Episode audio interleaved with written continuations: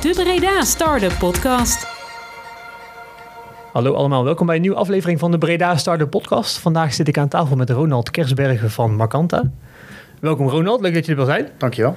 Dankjewel. Ja, en eh, voor de vaste luisteraars is het bekend, maar we starten natuurlijk met... De Pitch. Ja, ehm, Ronald Kersbergen, eh, directeur-eigenaar van uh, Markanta. Markanta is een softwarebedrijf uit Breda, althans we zitten nu afgelopen vijf jaar in Breda. En wij werken met een man of tien aan maatwerk softwareoplossingen. In de breedste zin des woords. Dus dat kan van online portalen zijn tot aan koppelingen, tot aan webapplicaties, van alles en nog wat. Juist, en doe nu vijf jaar met het bedrijf? Uh, nee, het bedrijf bestaat al langer. Uh, bestaat sinds 2009, dus we gaan al even uh, ja, iets verder terug. Maar we hebben hiervoor niet in Breda gezeten. We zijn eigenlijk sinds nou ja, vijf jaar nu, einde van het jaar, zitten we in, in Breda, midden in het centrum. Ja. Aan de Prinsenkade, dus mooi uitzicht op het water en op de, op de kerk. En nou ja, dat, dat doen we nu al even. Ja. Ja, ja, mooi. En in de breedste zin van het woord, vaak zie je dan dat je door de jaren heen toch wel een aantal dingen opbouwt die wat vaker terugkomen. Uh, heb je voorbeelden van, uh, van dingen die je voor klanten gebouwd hebt? Ja, absoluut. Um, een van onze grootste klanten zit in de verzekeringen. Uh, daar doen we eigenlijk heel veel werk voor. daar doen we eigenlijk de hele front office. Dus alles wat te maken heeft met het aanvragen van verzekeringen, het doen van offertes, het maken van premieberekeningen, um, maar ook gewoon het inschieten van polisaanvragen. Dat, dat doen wij allemaal, dat faciliteren wij, daar bouwen wij applicaties voor. Uh, dat hosten wij ook. Uh, dus ja, dat is een, dat is een mooi voorbeeld. Uh, andere klant zit in de internationale verhuizing bijvoorbeeld. Die um, begeleiden expats eigenlijk bij de verhuizing naar het buitenland of weer terug. En daar bieden we eigenlijk ook software voor dat, ja, dat die mensen goed begeleid worden. Dat er services zijn, bijvoorbeeld kinderopvang in het land waar ze naartoe gaan. het verhuizen van de inboedel, het vullen van de container en zorgen dat die op de juiste plek terechtkomt het in- en uitpakken van spullen, dat soort zaken. En alles wat daarmee mee te maken heeft. Ja, juist. En, komt dat dan binnen als een heel open vraagstuk? Of is het eigenlijk al vaak al best wel ingevuld opdracht van zo willen we het zien? Uh, dat varieert per klant. Um, de meeste klanten weten wel ongeveer wat ze willen. En uh, we begeleiden ze daarin ook. Hè. We gaan echt kijken van nou, wat, wat doet die klant nu precies. De klant staat echt wel centraal bij ons. Ze willen eigenlijk eerst weten van wat doe je nu precies. En, en wat is je klantvraag en waar komt die vandaan. Hè, soms stelt de klant een vraag en uh, dan geven ze eigenlijk al een richting aan waar ze op willen. Dat hoeft niet per definitie de, de goede te zijn. Dus we proberen eigenlijk te achterhalen wat doet die klant nu precies, wat wil die klant en nou ja, uh, dan komt daar vanzelf de klantvraag en, en een eventuele oplossing uitrollen. Dat hoeft niet per se te betekenen dat we alles maatwerk doen, dat wil ik ook wel even benadrukken. We noemen onszelf maatwerk dienstverlener. Maar het kan ook zijn dat we een standaard pakket aanbieden. En daarbovenop dan bijvoorbeeld een aantal modules schrijven die, die de standaard mogelijkheden uitbreiden. Ja, juist. En hoe, hoe maak je als een softwarebedrijf wat zich heel breed positioneert, de keuze tussen softwarepakketten waar je dan mee wil gaan samenwerken? Want ik ben heel blij, ik doe heel iets anders. Dus ik vind het fijn dat in de softwarewereld is er onnoemelijk veel te doen. Ja. Heb je dan bepaalde partners waar je mee samenwerkt of hoe, ga je zo, hoe zoek je zulke pakket uit? Um, nou ja, daar heb je inderdaad echt pakketselectie voor. Uh, dus het kan zijn dat je een hele grote klant hebt. Nou, die, die, uh, die heeft al een AFAS draaien bijvoorbeeld. Of die werkt al met een exact software. Ja, dan kunnen we moeilijk zeggen nou dat laten we helemaal links liggen. Daar doen we niks mee en we gaan iets helemaal apart bouwen. Dan ga je altijd kijken van oké, okay, uh, past het in het standaard systeem of gaan we daar misschien een portaal overheen zetten of een koppeling voor bouwen. maar het kan ook zijn dat iemand net begonnen is, een start-up.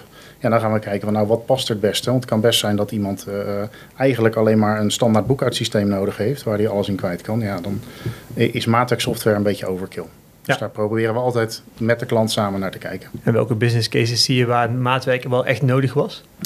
Um, nou ja, voor onze grootste klant dan, uh, uh, dat is echt zo specifiek, zo specialistisch. Uh, daar zijn geen standaard oplossingen voor. Dus een, een, premieberekening, ja, dat is specifiek voor die, uh, uh, voor die verzekeraar. Die hebben zelf een heel systeem uitgedacht met allerlei parameters en dingen om, om tot een premie te komen. Ja, dat ligt niet op de plank bij een, bij een partij. Dus in dat geval gaan we eigenlijk gewoon helemaal vanaf scratch gaan we, gaan we bouwen. Ja, juist. Ik denk dat er in, in, wat dat betreft ook heel veel te doen is op veiligheid. En ik denk dat bij, bij standaard oplossingen is veiligheid misschien al iets meer gegarandeerd. Hoe doe je dat dan bij maatwerkoplossingen? Of is dat dan een foute aanname? Ja, dat is wel een foute aanname, denk Ja? ik. Eh, uiteraard is het heel belangrijk. Dus eh, we zorgen er sowieso voor dat er eh, een beveiligde omgeving achter zit. Dus eh, ehm, eh, encryptie, SSL-certificaten, alle standaardzaken die je bij een eh, standaard pakket ook zou hebben. Ehm, want het komt ook voor dat wij gewoon een online portaal aanbieden. Ja, dat is niet anders dan dat je een exact of een, eh, of een AFAS af zou nemen. Mhm. Dus ehm, nee, dat speelt een hele grote rol en steeds grotere rol. Want het is steeds lastiger om, om eh, ehm, ja, de hackers voor te zijn wat dat betreft. Maar ja, daar zijn we wel mee bezig. Dus eh, ja, Ja, ja, het belangrijke stappen zeker. absoluut. Ja. En, en hoe ziet je team er nu uit? Nou, sinds kort een eh, sales, eh, een accountmanager aangenomen. Die is per 1 september begonnen, dus dat is heel, heel recent. Dat is nieuw voor mij, want ik heb voorheen altijd alles zelf gedaan. Oh ja? Vanaf vanaf ja, in mijn eentje ben ik begonnen eigenlijk en langzaam gaan uitbouwen. En ja, dit is wel een grote stap, dus ik ben wel heel benieuwd hoe dat uit gaat pakken. en waarom dan de keuze voor een sales manager? Waarom het niet zelf blijven doen? Ehm, tijd. Mhm. Ik kan mijn tijd maar één keer eh, eh, spenderen. En eh, ik merk dat ik het leuk vind om mensen te begeleiden. Dus intern ben ik wel echt aanspreekpunt voor, voor de techniek. Ik ben een, ja, inmiddels al een beetje een dinosaurus aan het worden. Ik ben degene met de meeste technische kennis. Eh, en dat vind ik ook erg leuk om te doen. En ik merk dat ik, eh, eh, nou ja, dit soort gesprekken, één op één, vind ik prima. Maar zet me niet voor een grote groep, want daar word ik echt niet blij van. Nee, precies. En ook verkoop, vraag maar niet om de telefoon te pakken en, en te gaan cold callen of weet ik veel wat. Nou, dat is gewoon niet aan mij besteed. Dus ik heb iemand gevonden die dat hartstikke leuk vindt om te doen. Dus dat is een mooie uitbreiding. Ehm, en verder hebben we eigenlijk eh, ehm, een aantal developers zitten. Full stack developers, dus iedereen die weet wat van frontend en van backend. En dat hebben we in de eerdere podcast ook al gehoord. En ehm, eh, ik heb nog een eh, operations manager zitten, dus die zorgt voor de dagelijkse gang van zaken. Eh, die zorgt dat eh, ehm, de planningen gehaald worden en dat mensen begeleid worden. ehm, en dan meer het HR-stuk. Dus zorgen dat iedereen op zijn plek zit en het naar zijn zin heeft. Heeft hij ook een IT-achtergrond? Nee, nee, nee. nee. Is, het, is het een voor- of een nadeel? Eh, ik denk een heel groot voordeel. Eh, want dan denk je een beetje eh, uit buiten de kaders. Hè? Want ik merk dat ik zelf in mijn, in mijn hokje, in mijn eigen denkwijze zit. En het is best verfrissend als er dan iemand eh, binnenkomt die zegt van... hé, maar waarom doe je dat dan op die manier? Het kan toch ook zo? En ik denk van ja, je hebt eigenlijk wel gelijk. Dus Ja, ja, want Ja. systeemdenken is natuurlijk ook wel een groot gevaar binnen de softwarewereld. Dat, eh, absoluut. Het, het doorontwikkelen van dingen die misschien simpeler zouden kunnen. Soms heb je daar iemand voor nodig die er helemaal buiten staat Ja. en er helemaal niks van ziet. Ja, ja absoluut. absoluut. dus dat is, dat is leuk inderdaad. Nou ja, goed, dat is ook wel een van de, van de kernwaarden van, eh, van ons... dat we wel altijd kijken naar eh, eh, vernieuwing, verbetering. Eh, maar dat wil niet per definitie zeggen dat we een... eh, eh, voor een simpele klant of een kleine klant een, een volledig systeem uitwerken met eh, meerdere databases en redundante systemen. Eh probeer dat wel echt pragmatisch in te steken. Dus eh, eh, het is wel leuk om te zien dat er dan ehm, ja, andere zienswijzen, andere denkwijzen binnen het bedrijf eh, zijn nu. Dus eh, Ja. ja. absoluut leuk. Merk je dat het nu groter wordt, dat het ook eh, hard aan het veranderen is? Natuurlijk, hoe meer mensen je binnen hebt, hoe, hoe groter die dingen zijn. Zeker als je een commercieel manager binnenkrijgt. Eh, ja, volgens mij is de, de uitspraak: ik wens je veel personeel toe. Eh, ehm, eh, hoe meer personeel, hoe meer, hoe meer ja, verschillende meningen er zijn. En Mhm. Eh, ja, daar moet je wat mee. En ik vind het aan de ene kant heel leuk. Aan de andere kant is het ook wel lastig soms. Omdat je, ja, ik, ik ben wel een, een people mens, zeg maar. Dus ik probeer iedereen wel eh, eh, tevreden te houden. Mhm. En dat wordt steeds lastiger. Ja. Want soms wil de een het een en de ander het ander. En ja, dan moet je maar zien dat je eruit komt met Ja, en allen. vooral- en als je een klein team hebt, kun je daar wat makkelijker schakelen van... hé, hey, luister, voor jou doe dit. Ja. Maar zodra je groter wordt, dan moet je eigenlijk een beetje gelijkheid gaan creëren. standaarden gaan, Ja, gaan neerzetten. Ja, Ja. Hoe ver ben je daarin op dit moment?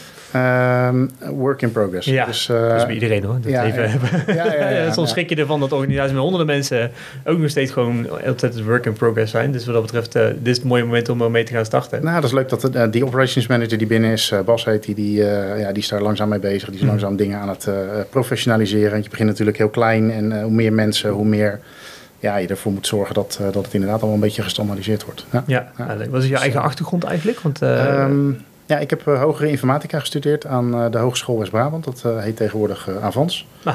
En ehm, nou ja, eigenlijk ben ik direct na mijn opleiding bij een IT-bedrijf begonnen. Dat heb ik een paar jaar gedaan en toen ben ik eigenlijk al voor mezelf begonnen. Dus eh, ehm, ja, inmiddels alweer ehm, bijna 20 jaar denk ik voor mezelf bezig. Ja. ja, juist. Oké. Dus hiervoor ook meerdere bedrijven gehad. Eh, het een wat succesvoller als het ander. Dus Daar is niks mis mee. Nee, Mooi om dingen te starten en te falen. En wat is de reden dat je toch voor jezelf bent begonnen? Ehm, ja, dat is een goede vraag. Ik vind het eh, lastig om. ehm, nou ja, laat, laat ik het anders zeggen. Ik ben. ehm, eh, vanaf de start eigenlijk heb ik al mijn eigen ideeën gehad over bepaalde dingen, hoe je die zou moeten doen. En ik ben best eigenwijs als ik eerlijk ben. Dus ik hoor niet graag van anderen hoe ik bepaalde dingen zou moeten doen.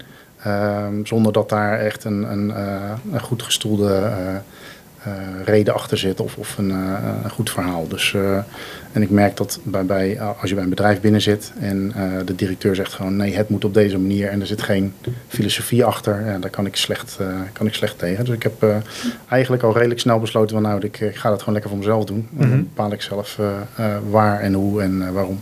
Ja, Dus, juist. ja. Ja, inderdaad, mooie stappen wat dat betreft. En een hele goede reden om ondernemer te worden. Ik bedoel, dan mag je echt je eigen koers bepalen. Precies. Hoe Ja. werkt dat nu voor mensen die bij jou werken? Ik bedoel, wat dat betreft ben ik, denk ik ook wel dat je iemand bent die te overtuigen is met goede redenatie. Absoluut. Ja. Ja, ja. Nou ja, dat is eh, ehm, eh, absoluut waar.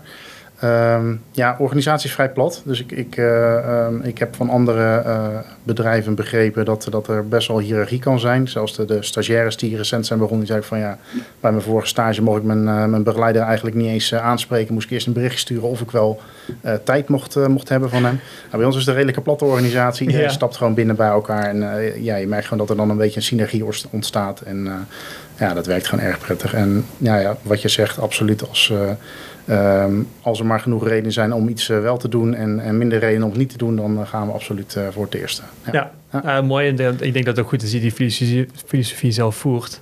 Want ik geloof dat zeg maar, bij heel veel eigenaren van bedrijven is niet per se dat ze het niet willen. Ze hebben gewoon geen zin om het nog een keer uit te moeten leggen. ja, En dat is vaak de, de, hè, wat er gebeurt met een groter bedrijf. Hè. Als iedereen komt vragen, ja, maar waarom doe je dat dan niet? Als je dat elke keer moet uitleggen, dan vaak zit er wel een redenatie achter. Het is, hè, voor Ja, het weet ben je ja, zelf ja. de baas die je nooit wilde zijn. Dus ik denk dat het een goede les is om altijd mee te nemen. je blijft continu leren. Je blijft continu leren, ja. En dat is misschien wel een mooi bruggetje naar mijn volgende vraag. Van wat is de grootste les die je in je ondernemerschap hebt geleerd? Jeetje. ehm, nou, er zijn stel hele- je geen kleine vragen. Nee, nee, nee ja, precies.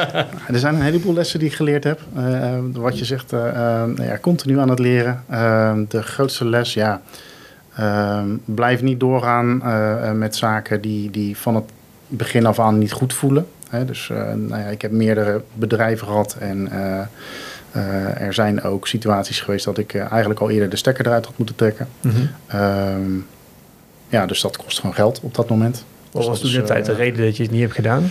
Ehm, nou, misschien een stukje angst. Een stukje bang om, om dan maar weer te zien wat je dan moet gaan doen. Mhm. Ehm, eh, in dit geval was het een, een, eh, een bedrijf met een, eh, een partner waar ik mee samenwerkte. En het, ja, het liep gewoon niet de samenwerking. Maar je blijft toch proberen en toch kijken van nou, wat, wat kunnen we nog aan doen. En waardoor zeg je dat de samenwerking niet liep? Ehm, nou ja, in dit geval waren we 50-50 partners. En de, de een deed een hele hoop werk en de ander niet. Laten we Ah, ja, ja. Nee, precies. Ja. Maar daarom zeg ik, soms resoneert zoiets met iemand van... oh, wacht, hè. Ja, Ja. nee, dus, dus dat, was, eh, ehm, ja, dat was een hele goede les. Ehm, ja, Hoe lang ben je daar te lang mee doorgegaan? Zeg maar? Wat was voor jou het moment van... oké, nu moet ik echt stoppen?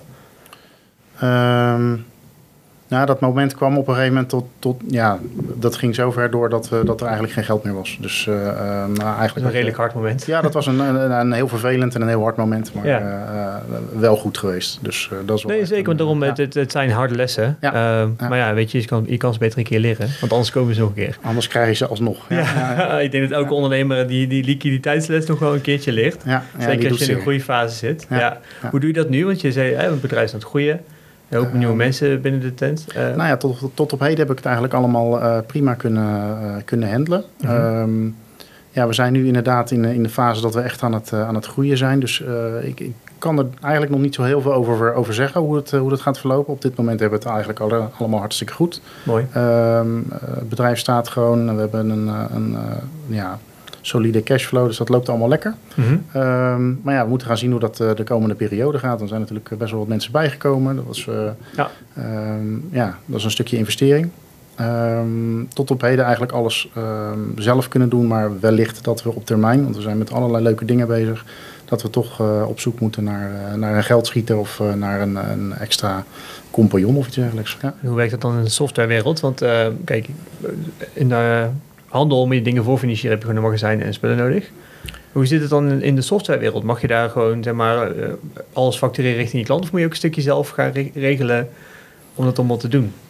Ehm, nou ja, we, we zijn geen uurtje factuurtje bedrijf. Eh, ehm, althans, eh, dat proberen we niet.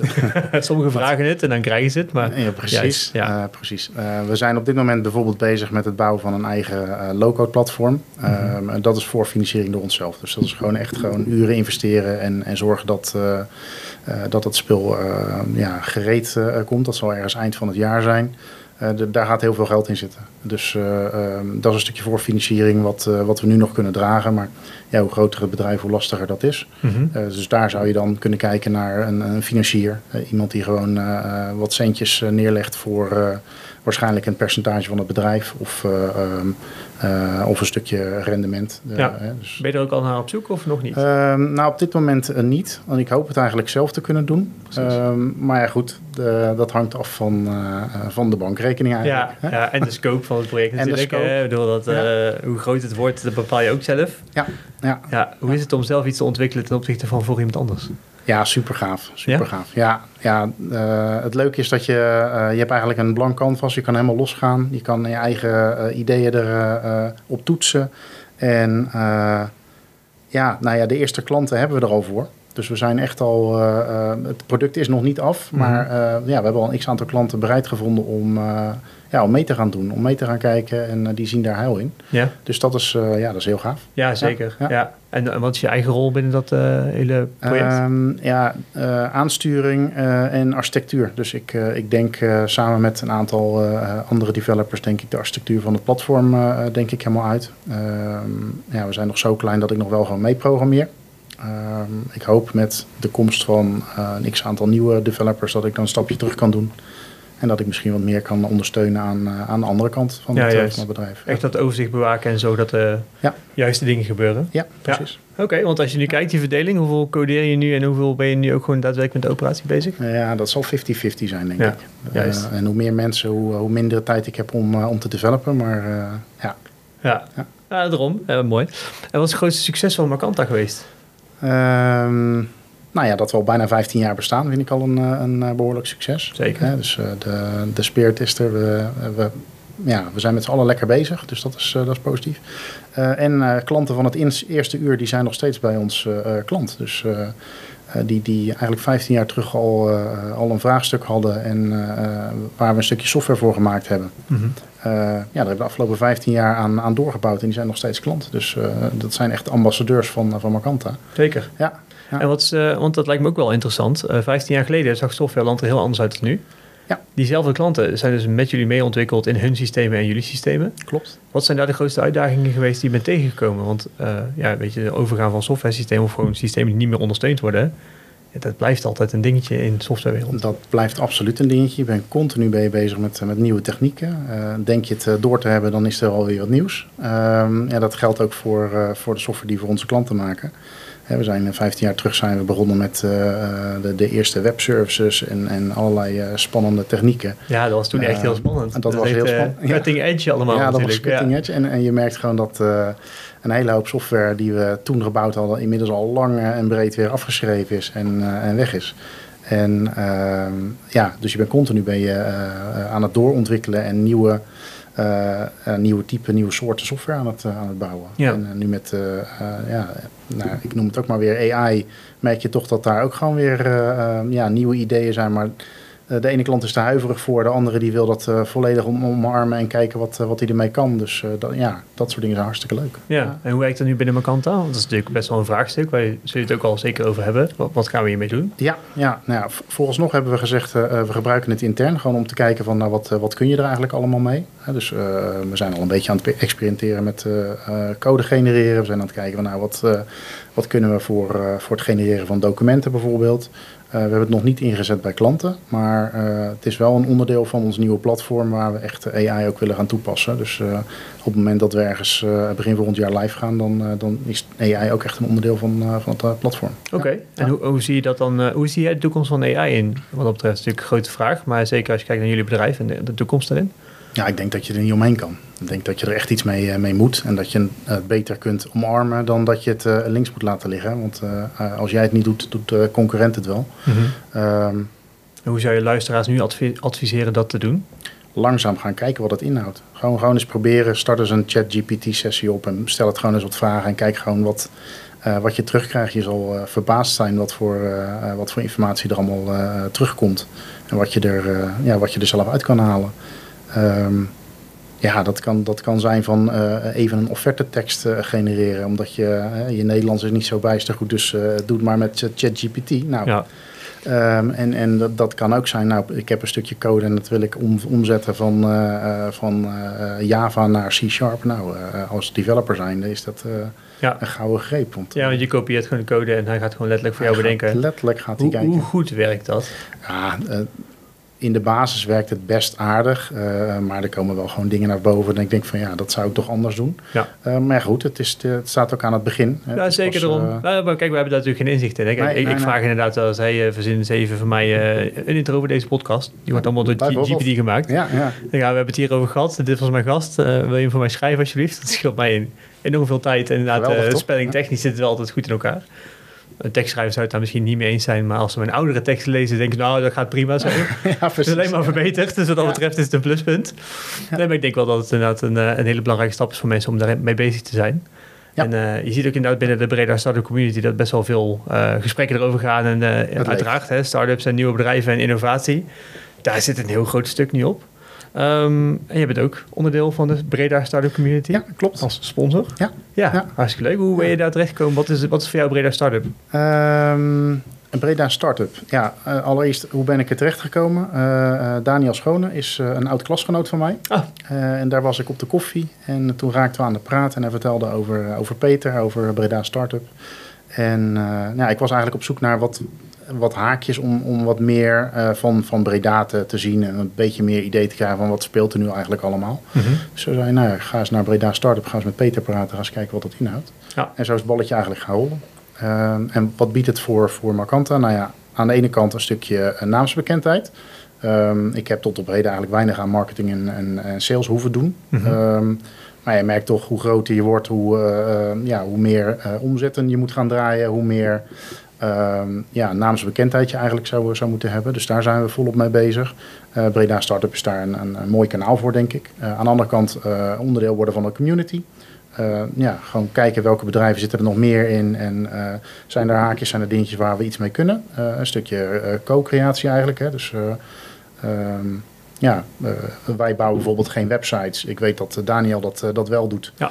Eh, nou, ja, dat is een mooie, een mooie aanvulling voor, voor ons portfolio. Als wij een klant tegenkomen die wil een portaal en een website. Nou ja, eh, eh, Daniel. Ja, precies. Snel schakelen en dan is het heel fijn om dat in een, in een regio te doen waar Ja, je gewoon precies. snel met elkaar kan schakelen. precies. En, als ook er een iemand, mooie eh, verbinding hebt. Ja. Als er iemand koffie nodig heeft, dan, dan, weet, dan weet je ook iemand te vinden inmiddels. Dus, eh, ja. Leuk. Nee, maar inderdaad, eh, ben je ook al eh, bij de, was je bij de vorige eh Breda Startup Awards? Ja, ja. ben ik ook geweest Ja? inderdaad. Maar ja, wat ik zeg, ik ben niet zo van in de spotlight staan. Dus we, Precies. hebben, we hebben het even gewoon gekeken van wat houdt het allemaal in en wat, ja, wat gebeurt er nou eigenlijk allemaal. Eh, dus we zijn er ook weer aanwezig eh, bij de volgende. Ja, een mooie in het NAC-stadion, In het 21 NAC-stadion. september. Ja, ja. heel gaaf. Ja, ik ben heel benieuwd. En eh, volgens mij zijn er nog kaartjes beschikbaar. Dus Ja, nou, het zou mooi zijn. ik, eh, ik hoop dat, dat het uitverkocht raakt. Ja, nou, het zou goed kunnen dat het al uitverkocht is hoor. Oh, maar dat, ik wist dat, la- ik kreeg een mailtje van de laatste kaart zijn beschikbaar. Maar een prachtige locatie die sowieso heel, helemaal synchroon staat met Breda. heel want daar draait het om. Ja.